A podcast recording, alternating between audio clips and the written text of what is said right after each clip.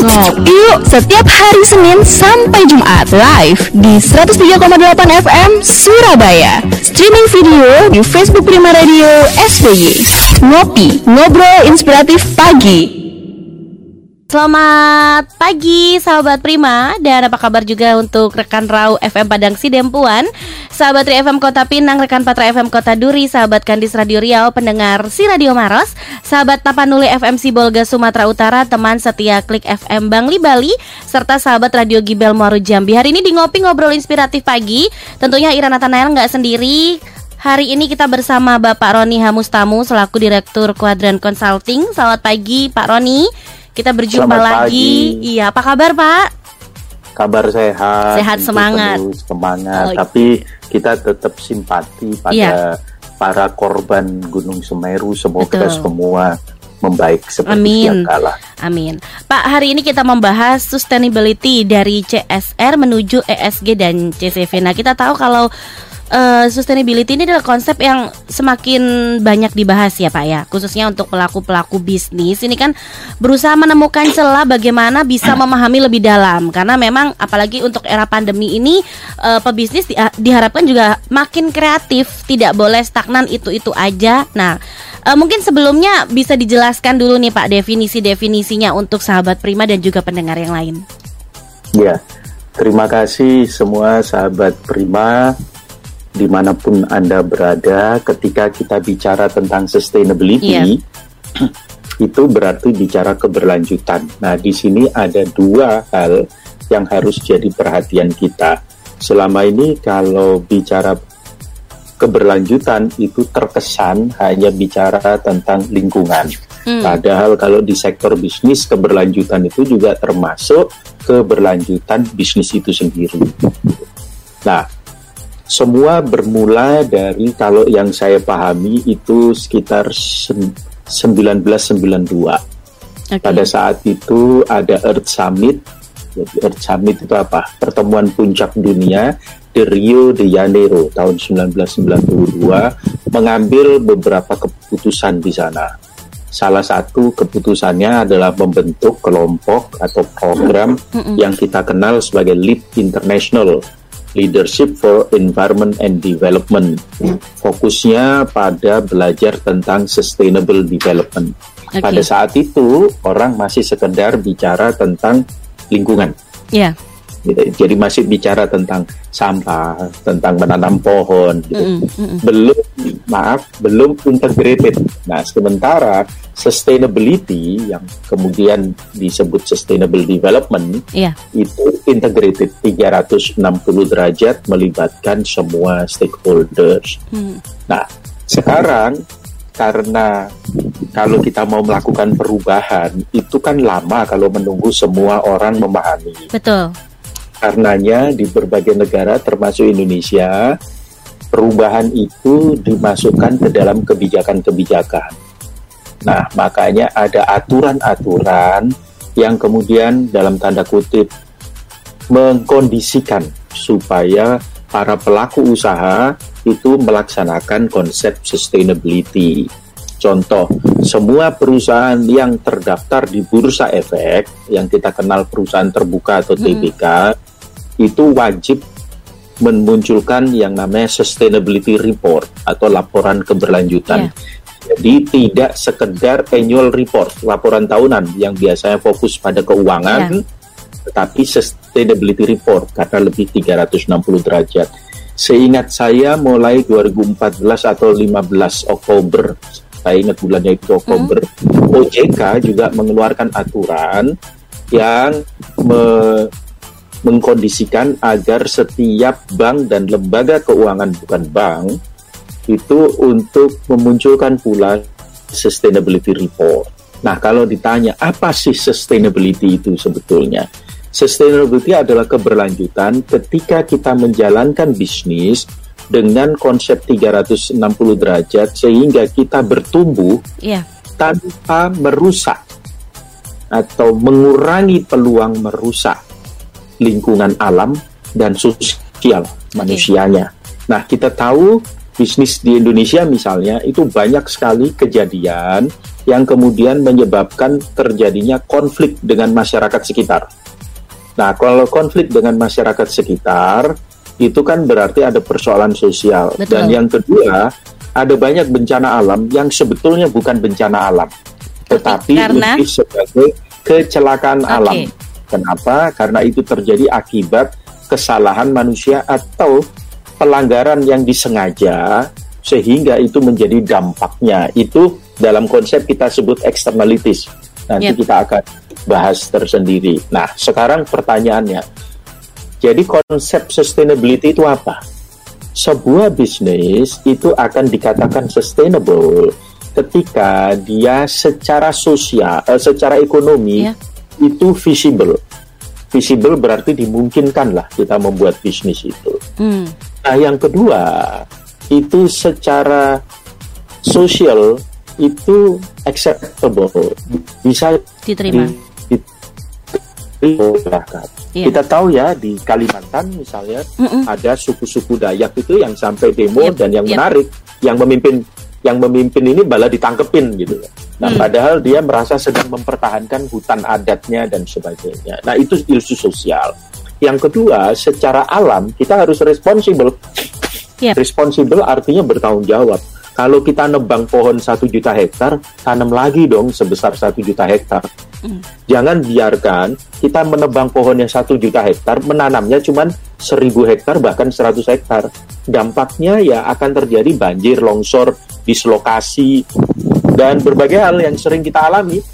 Beberapa waktu yang lalu Kota Batu mengalami yang namanya banjir banjir apa itu namanya banjir yang disertai lumpur kayu-kayu dan sebagainya karena longsoran. Nah, ini menunjukkan bahwa ada degradasi lingkungan yang luar biasa akibat para pelaku usaha tidak menjalankan bisnis secara responsibel kepada lingkungan dan para eh, pemerintah dalam hal ini membiarkan hal itu terjadi atau abai. Hmm. Abai, abai itu kan bisa dilakukan dengan kesengajaan untuk tidak memonitor. Yep. Nah, tiga hal ini yang sangat penting di dalam kita bicara tentang sustainability. Nah, bagaimana caranya? Maka ada elemen keempat yang sering kali dilupakan oleh Mm-mm. para pelaku usaha dan bahkan akademisi dalam konsep sustainability, yaitu politik. Oke. Nah, politik itu harus viable, harus bisa. Nah, artinya apa? Di sini harus pengusaha juga berdiskusi dengan pemerintah Mm-mm. dan lembaga-lembaga politik. Misalnya kalau di tingkat kabupaten kota atau provinsi itu DPRD. Hmm. Kenapa? Karena mereka yang membuat peraturan. Yes. Jadi gubernur punya yang namanya pergub peraturan gubernur gitu ya. Hmm. Tapi jangan lupa peraturan daerah Ya.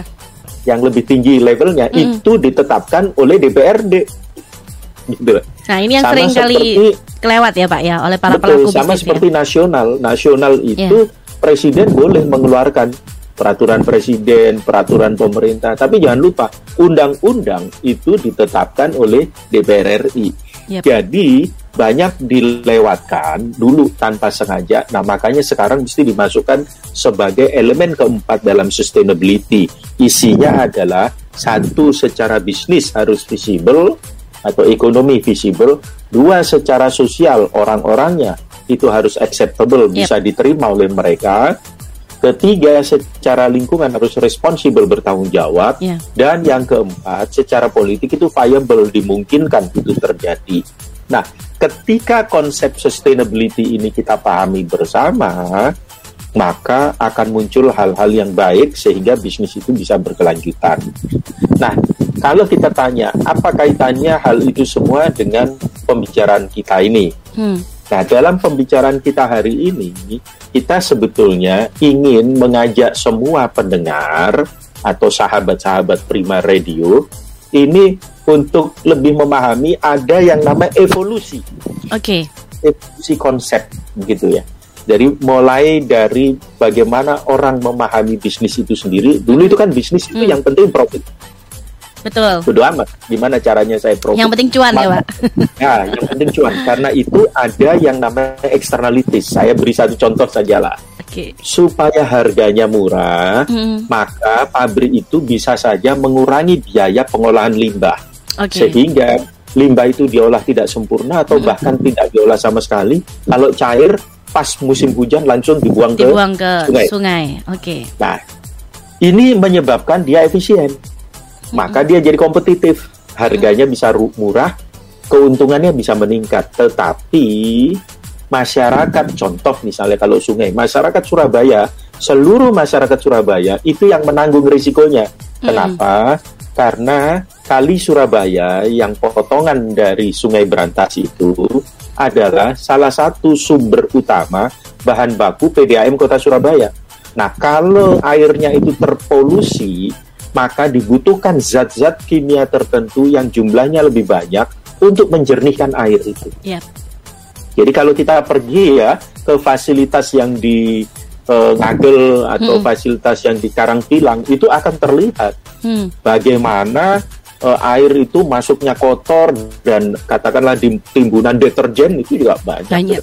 Hari ini ditambah dengan banyaknya sampah-sampah kemasan plastik yang luar biasa jumlahnya di seluruh eh, sungai-sungai yang ada di Pulau Jawa ini, termasuk Sungai Berantas, Bengawan Solo. Yep. gitu. Nah ini yang menjadi perhatian itu namanya eksternalitas, artinya biaya yang harusnya ditanggung oleh perusahaan dengan sengaja dipotong dibuang Hmm. supaya terbagi rata menjadi biayanya masyarakat Oke. dan itu tidak fair Ya. gitu orang lain bisa kaya raya Hmm. kita yang menjadi pelanggan PDAM ini harus membayar lebih mahal dan kadang-kadang kualitas air yang kita terima juga nggak hebat-hebat amat Mm-mm. itu itu tantangan. Nah, di dalam bisnis muncul kemudian tekanan. Kelompok bisnis atau masyarakat bisnis itu harus punya tanggung jawab. Yep. Kenapa? Karena publik itu mulai menghadapi persoalan-persoalan sosial, lingkungan dan pembangunan ekonomi. Hmm.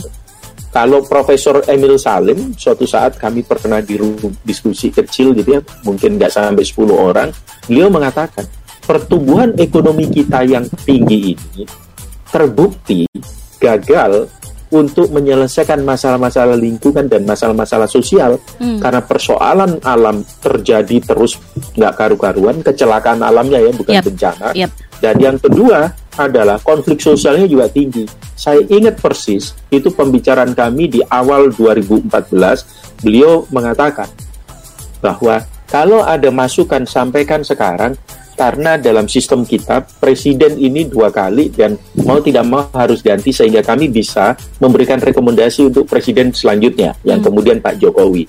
Yep. Waktu itu posisi Prof Emil Salim adalah ketua Dewan Pertimbangan Presiden RI. Nah, hal yang seperti ini menurut saya memang penting untuk Yep. jadi perhatian kita. Bagaimana caranya pertumbuhan ekonomi kita tinggi, bagaimana caranya bisnis kita sukses, tetapi pada saat yang sama Ya. alam itu lestari dan sosial itu damai sejahtera, rukun, makmur, kan gitu. Ya. Nah, oleh karenanya pemerintah sekarang ini juga didorong untuk mengambil perannya. Karena pemerintah sendirian tidak bisa, maka elemen masyarakat, misalnya seperti radio sebagai media atau teman-teman NGO LSM, Mm-mm. itu didorong juga untuk membantu supaya masyarakat ini bisa paham termasuk para pelaku usaha. Kenapa? Karena kadang-kadang pelaku usaha itu kan fokus dia. Ya. Mohon maaf, pakai kacamata kuda ngurusin Mm-mm, bisnisnya aja. Sehingga sumber daya yang terkait dengan sustainability itu dia mungkin kurang, belum mengembangkan karena nggak tahu. Karena banyak pemilik usaha ini kan yang sebetulnya berasal dari us- bekerja keras, terus sukses, terus makin lama makin tumbuh besar. Nah, yang kadang-kadang tidak diimbangi dengan pemahaman-pemahaman tentang konsep yang lebih besar. Apalagi kalau orangnya pelit, nggak ngundang konsultan, Iya. tambah rumit. Ya. gitu kan? Iya. Nah, bisnis itu kan hanya sekedar institusi yang mungkin dia akan mengatakan sama seperti yang saya selalu yakini. Perusahaan itu tugasnya adalah berusaha. Kenapa? Karena secara dalam bahasa Inggris kami selalu menyebut eh, perusahaan atau bisnis itu wealth creating institution. Jadi sebuah lembaga yang tugasnya memang untuk mencetak kesejahteraan, mencetak kekayaan Yep.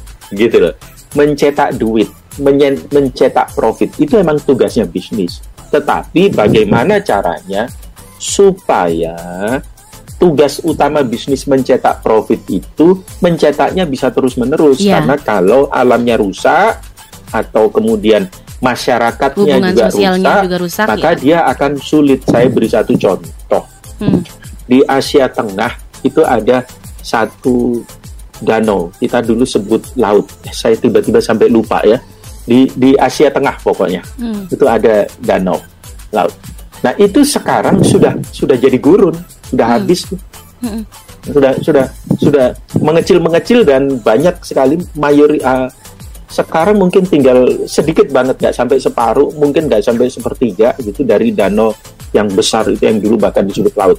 Jadi kalau dilihat di sana dari foto maupun videonya kelihatan ada kapal-kapal besi-besi penangkap ikan begitu yang kemudian sekarang berdirinya di atas padang gurun. Hmm. Orang kata di atas padang gurun kok ada kapal-kapal banyak. Karena itu dulu adalah danau, itu adalah laut, bahkan disebut laut karena saking besarnya sehingga orang me- me- mengambil memancing ikan menjala ikan di Iya. sana. Sekarang nggak bisa. Artinya apa?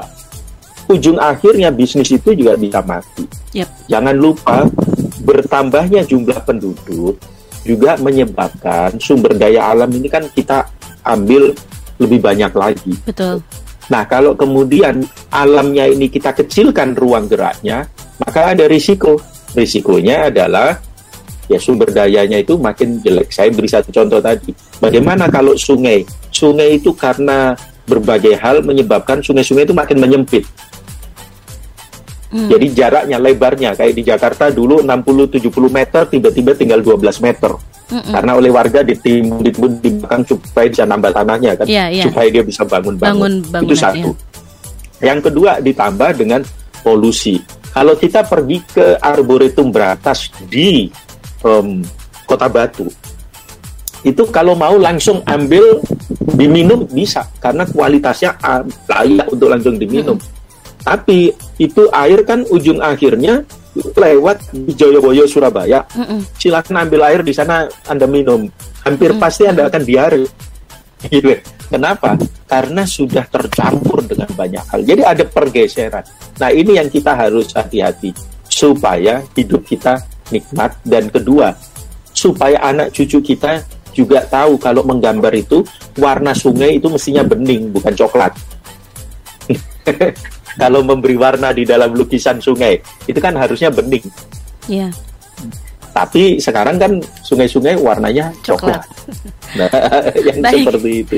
Baik Pak Roni nanti kita akan balik di segmen selanjutnya Pak Roni Eh, Ya. untuk ngopi edisi hari ini buat sahabat Prima yang ingin bertanya atau pendengar yang lain yang ingin bertanya silakan dengan topik kita pagi hari ini eh, sustainability dari CSR menuju ESG dan CCV silakan via WhatsApp di 0811 30 10 38 atau line telepon di 7388500 masih di ngopi ngobrol inspiratif pagi.